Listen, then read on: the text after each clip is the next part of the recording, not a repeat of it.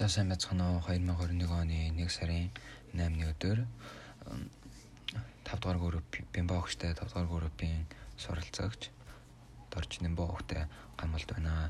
Үүгээр өнөөдөр ингээд миний подкаст эхэлж байна. За өнөөдөр миний ярих сэдв бол соёлын тухай ойлголт гэсэн байгаа. Соёл гэдэг нь культурыг гэсэн латин үгнээс гаралтай гаралтай бөгөөд соёл болон боловсруулах, хөрс боловсруулах, хүмүүжүүлэх, хүмүүжил хөндлөл гэсэн утга санааг илэрхийлдэг байгаа.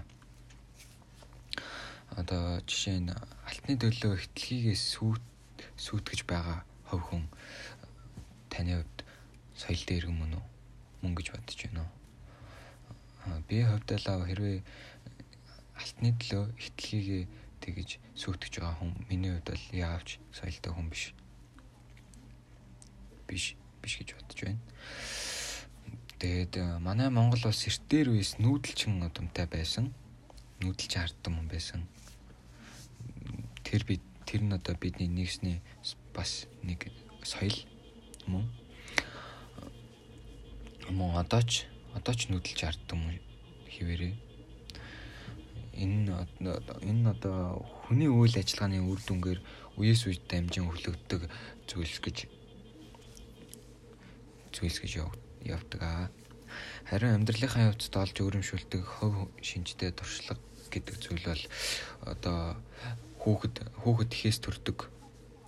А төрснийхэн дараа яадаг гэвэл төрснийхэн дараа мөлхөдөг мөлхөдөг болдог. Мөлхөд сурснараа дараа нь алхаж сурдаг болдог. Тэгээд тэгээ Тэгээд цэцэрлэгт орно. Тэгээд дараа нь сургуульд орно. Тэгээд дээд сургуульд орно. Дараа нь ажлын байран дээр гарч ажил хөдөлмөр эрхэлдэг байгаа. Энэ хов хүн одоо нэгсний соёлжч буй хэлбэр юм аа. За соёлыг бүрдүүлдэг таван зүйл байдаг. Одоо нэгт нь бэлэг тэмдэг, хоёрт хэл, гуравт үнлэмж, дөрөвт хэм хэмжээ. Мэдлэг одоо хэм хэмжээ мэдлэг мэдлэг гэсэн таван зүйл э, бүрджиж соёл гэдэг зүйл оршдог. Эдгээр таван зүйлийг одоо хүн өөртөө бүрэлдүүлж байж соёлтой иргэм гэж ойлгогдно. Эрнст Кассирер гихч Германы соёл судлаач Овг аймагуудын хил домог шашин урлаг зэрэг соёлын үзэгдлийг судалсны үндсэн дээр соёлын тухай бэлгэдлийн онолыг үндэслэжээ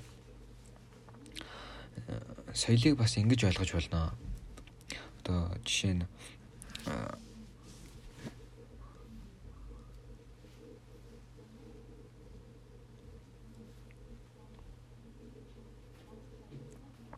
явган одоо хасаар гарахдаа ногоон гэрлэр гарах ногоон гэрлэр зам гарах шар гэрлэр анхаарах улаан гэрлэр гарч болохгүй гэдгийг мэдж байвал бас соёлтой иргэн юм аа. Мөн соёл мөн соёлын хэм хэмжээ гэж байдаг. Ёс суртахуун ахмад настай хүнийг та та гэж та гэж хэл гэсэн хууль байдаггүйч ахмад настай хүнийг ахмад настай хэл ёс суртахуун ахмад настай хүнийг та гэж хэл гэсэн хууль байдаггүйч бид та гэж хүндэлдэг мөн ахмад настай хүний хайжууд хараал хийлж болох болохгүй үйлдэл гарах гаргаж болохгүй гэсэн хууль байдаггүйч тэгж болохгүй гэдгийг бид мэднэ. Энэ ёс суртахуун нэгснээ соёл соёл гэж ойлгож болно. Мөн эрх зүйн хэм хэмжээ эрх зүйн хэм хэмжээ гэдэг нэгснээ зөв хууль юм. Тиймээс бид хуулиа дагаж гэмт хэрэг хийж хүнд хохирол учруулж болохгүй гэдгийг мэддэг энэ соёлын нэг хэлбэр хим хэмжээ мөн мэдлэг гэдэгт нь альва юмыг одоо А Б-г цээжилж мэдж биш. Мэдлэг гэдэг нь ямар нэгэн зүйлд сэтгэлээсээ хандаж байна уу? Зөв хувцас өмсөж байна уу? Энэ нь мэдлэг юм аа. Ер нь хүн өөрийнхөө амьдралд хэрэгцээтэй зүйлдээ баг баг мэдлэгтэй бол ер нь мэдлэгтэй гэсэн үг ээ. Соёлын төлөв байдлаар нь соёлын статик, соёлын динамик гэсэн гэж хоёр ангилдаг. Соёлын статик гэдэг нь соёлын зогсонго байдлыг хэлдэг. Соёлын динамик гэдэг нь болохоор соёлын дандаа соёлыг дандаа өөрчилж байдаг шинэ арга зам руу тэмүүлдэг зүйлийг соёлын динамик гэдгээ. Шинжлэл гэдэг нь соёлд цоо шин үзэл санаа болон бүтээх хийх үйл явцыг хэлнэ. Соёлын төгөөмөл зүйлсийн үзэл баримтлалыг боловсруулах оролдлогын оролдлогыг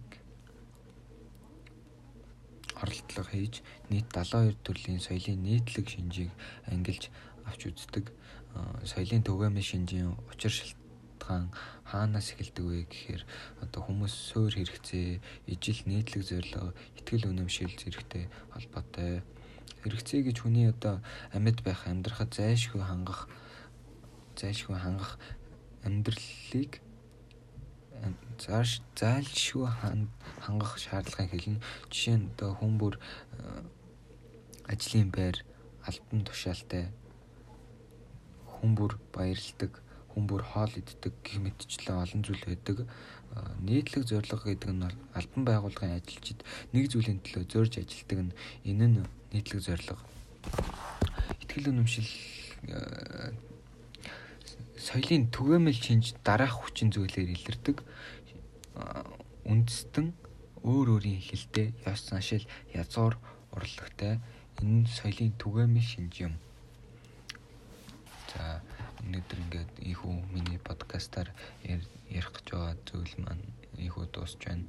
Анхаарал тавьсан баярлалаа.